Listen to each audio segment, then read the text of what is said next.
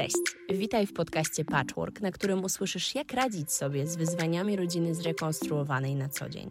Nazywam się Kaja Lelonek, jestem autorką strony Komunikacja bez przemocy i wzmacniam rodziców w budowaniu wartościowych relacji z dziećmi. Jestem organizatorką konferencji Bliżej Siebie, której patronami są Komitet Ochrony Praw Dziecka oraz Fundacja Dajemy Dzieciom Siłę. Konferencje powstały we współpracy autorytetów psychologii, rodzicielstwa bliskości oraz NVC. Dzięki tym konferencjom wsparłam ponad 350 tysięcy rodziców. Jestem trenerem komunikacji, edukatorką rodzicielstwa bliskości, a od ponad 6 lat buduję rodzinę patchworkową i w tym podcaście dzielę się z Tobą doświadczeniami oraz narzędziami, które mogą Ci pomóc. A teraz usiądź wygodnie i bądź tu i teraz dla siebie i dla swoich bliskich. Jak przetrwać w patchworku? Cześć, dzień dobry. Witam Cię w pierwszym odcinku nowego sezonu podcastu Patchwork, a w zasadzie od nowego sezonu Wioska Patchwork. Cieszę się, że ze mną jesteś. Dzisiejszy odcinek nosi bardzo mocno brzmiący tytuł, jednak to hasło, ten zwrot, to często słyszę podczas konsultacji od rodziców czy opiekunów. Dlatego dzisiaj chcę się do niego odnieść. E, zaznaczę też jeszcze na wstępie, że mam na pokładzie dziecko z kaszlem, więc jeśli okazałoby się, że to słyszysz, to proszę Cię o wyrozumiałość. Pewnie sam sama wiesz, że wirusy nie wybierają, a ten wieczór jest dla mnie jedyną możliwą przestrzenią do nagrania tego odcinka. Wracając już do tematu, do tematu tego odcinka. Nie ma co się czarować, że budując patchwork bywa bardzo różnie – Czasem są lepsze momenty, czasem gorsze. Pojawiają się konflikty, sprawy sądowe, wylewają się na nas wiadra pomyj, bo na przykład ex naszego partnera czy partnerki nas nie akceptuje i uważa, że obrażanie nas to jest obowiązek. Tylu ilu rodziców w patchworku, tyle różnych historii. Nie da się tego spiąć w jeden odcinek. Ba! Nawet w jednej książce bym tego nie zebrała.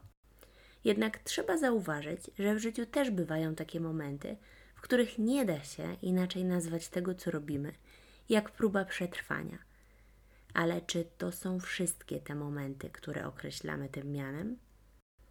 Wiesz, zastanawiam się nad tym, jak często mówimy, myślimy o przetrwaniu, a tak naprawdę nie chodzi nam o przetrwanie, czyli o walkę o życie, a o szukanie rozwiązań lub o towarzyszące nam zmęczenie. Nadawanie znaczenia poprzez słowa ma dużą siłę, której nie zawsze jesteśmy świadomi. Mnie przetrwanie kojarzy się z walką, z walką o przetrwanie, a walka to wojna. Na wojnie zawsze ktoś ginie, umiera, ktoś inny zostaje okaleczony. Walczymy, żeby przeżyć. I wiem, że w naszym słowniku pojawiają się kolokwialne określenia, i one mogą być też dla nas zabawną formą rozładowującą napięcie – jednak nie zapominajmy o tym, że słowa mają moc. Więc ja temat tego odcinka trochę ogram, bo jak przetrwać w patchworku, przetransformuję na jak wspierać się w patchworku i opowiem Ci, co sprawdziło się lub sprawdza u nas najlepiej. Muszę przyznać, że najważniejszym w mojej ocenie elementem jest świadomość siebie. Uważność na siebie i na swoje reakcje, i te z pozycji myśli i ciała – kiedy na przykład czujesz, że dana sytuacja wywołuje u ciebie złość, odpowiedz sobie na pytanie: dlaczego? Dlaczego ta sytuacja tak na mnie oddziałuje? Czy w innym dniu, w innych okolicznościach zareagowałbym, zareagowałabym tak samo? Co wpływa na moją reakcję? Oraz jeszcze trochę zmieniając perspektywę, co doradziłbyś, doradziłabyś najlepszej przyjaciółce, gdyby ta sytuacja dotyczyła jej? Zadaję te pytania, bo ja przez wiele lat, zanim jeszcze weszłam w rodzinę patchworkową, lubiłam dzieci, ale uwaga, tylko te grzeczne. Oczywiście używam tego określenia z przekąsem i w cudzysłowie, ale pamiętam, jak odpalało mnie, gdy dzieci nie robiły tego, co im mówili rodzice.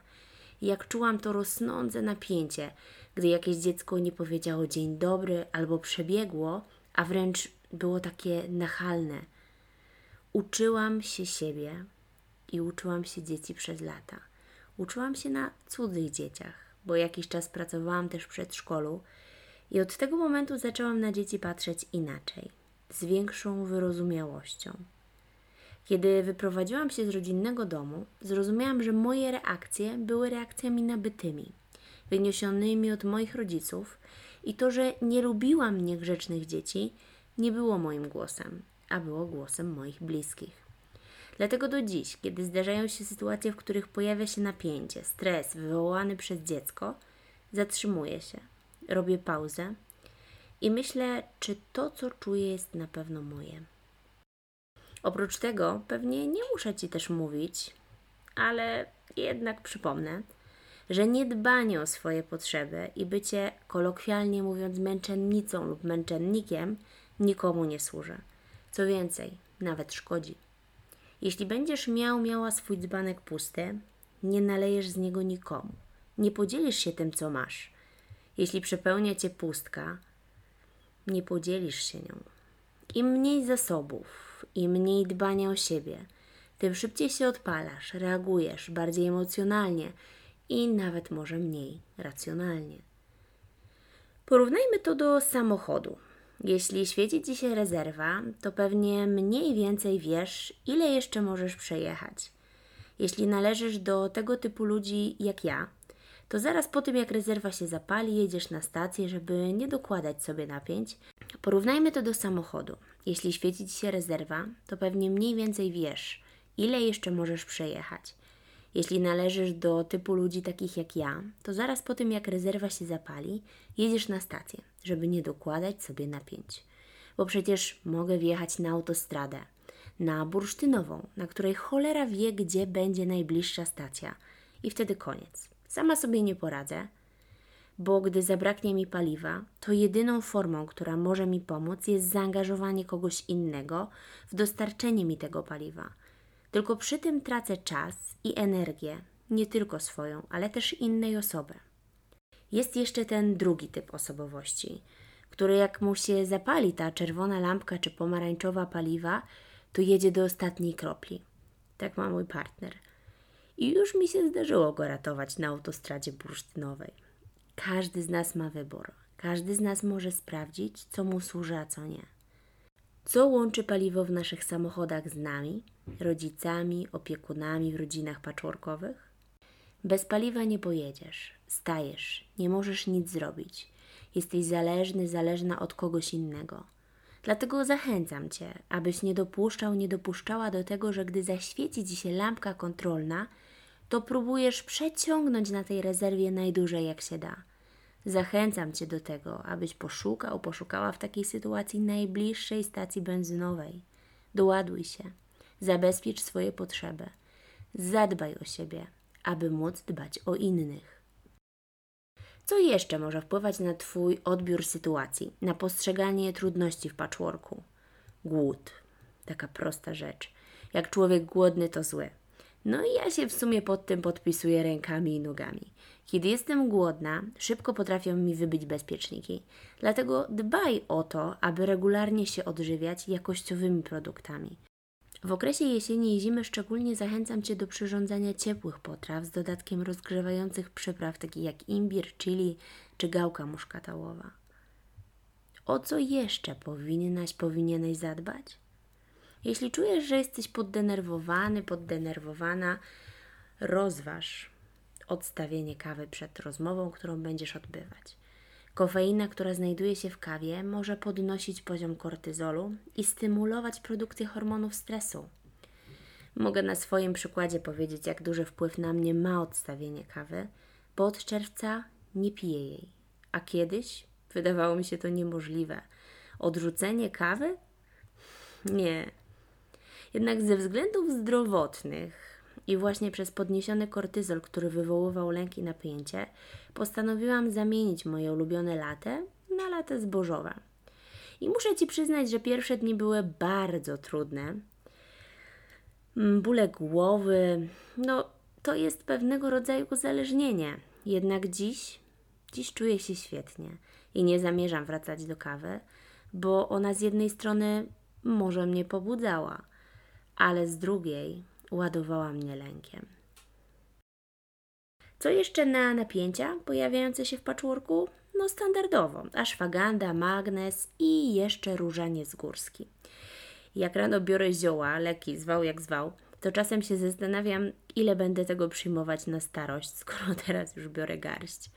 Na szczęście większość z nich to wyciągi z roślin, bo stawiam na naturę i Tobie też to polecam. Nie będę Ci opisywać właściwości tych wyciągów ziół. Wpisz sobie je w Google, a znajdziesz tam informacje na temat różańca i aszwagandy. To wymienione trio szczególnie Ci polecam. Kolejny element naszej układanki to sen. Całe życie wydawało mi się, że jestem typem sowy, że muszę późno kłaść się spać i późno się budzić. Ale też od czerwca zmieniło się moje funkcjonowanie i dużo bardziej zaczęłam dbać o higienę snu. Moja obserwacja siebie jasno wskazuje na to, że brak snu w odpowiednich godzinach wywołuje u mnie rozdrażnienie i zmęczenie. A jak jest u ciebie?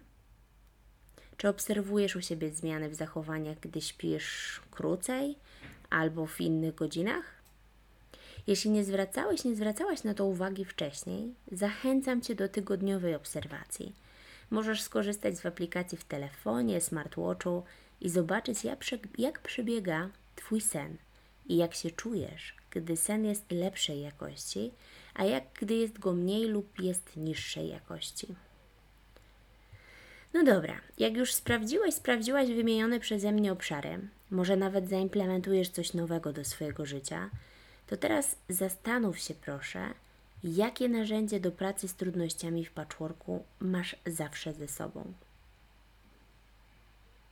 Czy coś może Cię wesprzeć przed wybuchem, przed falą emocji? Złap oddech i zastanów się. Wdech i wydech. I jeszcze raz. Wdech i wydech. Masz to? Pewnie, że masz, bo właśnie wykorzystałeś, wykorzystałaś to narzędzie. To narzędzie to oddech. Zawsze masz go ze sobą, dzięki Bogu. Kiedy czujesz napięcie, czujesz, że ono wzrasta w Twoim ciele, zacznij powoli oddychać. Wdech i wydech. Pięć razy albo dziesięć, aż zacznie opadać to napięcie. Możesz też oddychać po kwadracie. Wyobraź sobie, że budujesz kwadrat składający się z linii. Jedną linią jest wdech, drugą wydech, trzecią wdech, czwartą wydech. Zbuduj kilka oddechowych kwadratów. Jak jeszcze przetrwać w patchworku? No cóż, do tych opisanych przeze mnie narzędzi, metod dołożyłabym jedną, bez której trudno wyobrazić mi sobie budowanie rodziny patchworkowej. Partner, partnerka, którego kochasz, którą kochasz i jesteś z nim, z nią szczęśliwa. Szczęśliwy. Osoba, z którą możesz porozmawiać i lubisz rozmawiać, i dla której ważne są też Twoje potrzeby. Jeżeli nie ma tego między Wami, to warto zacząć od wspólnej pracy ze sobą, a dopiero potem próbować łatać kolejne elementy patchworku. Jest jeszcze wiele rzeczy, możliwości, które mogą ułatwić Ci życie w patchworku, a które nie zmieściły się już do tego odcinka. Jeśli chcesz o nich pogadać, napisz do mnie na Facebooku i Instagramie Komunikacja bez przemocy. Dziękuję Ci, że szukasz swojej drogi do patchworku. Cieszę się, że jesteś w mojej wiosce. Ściskam mocno. Kaja.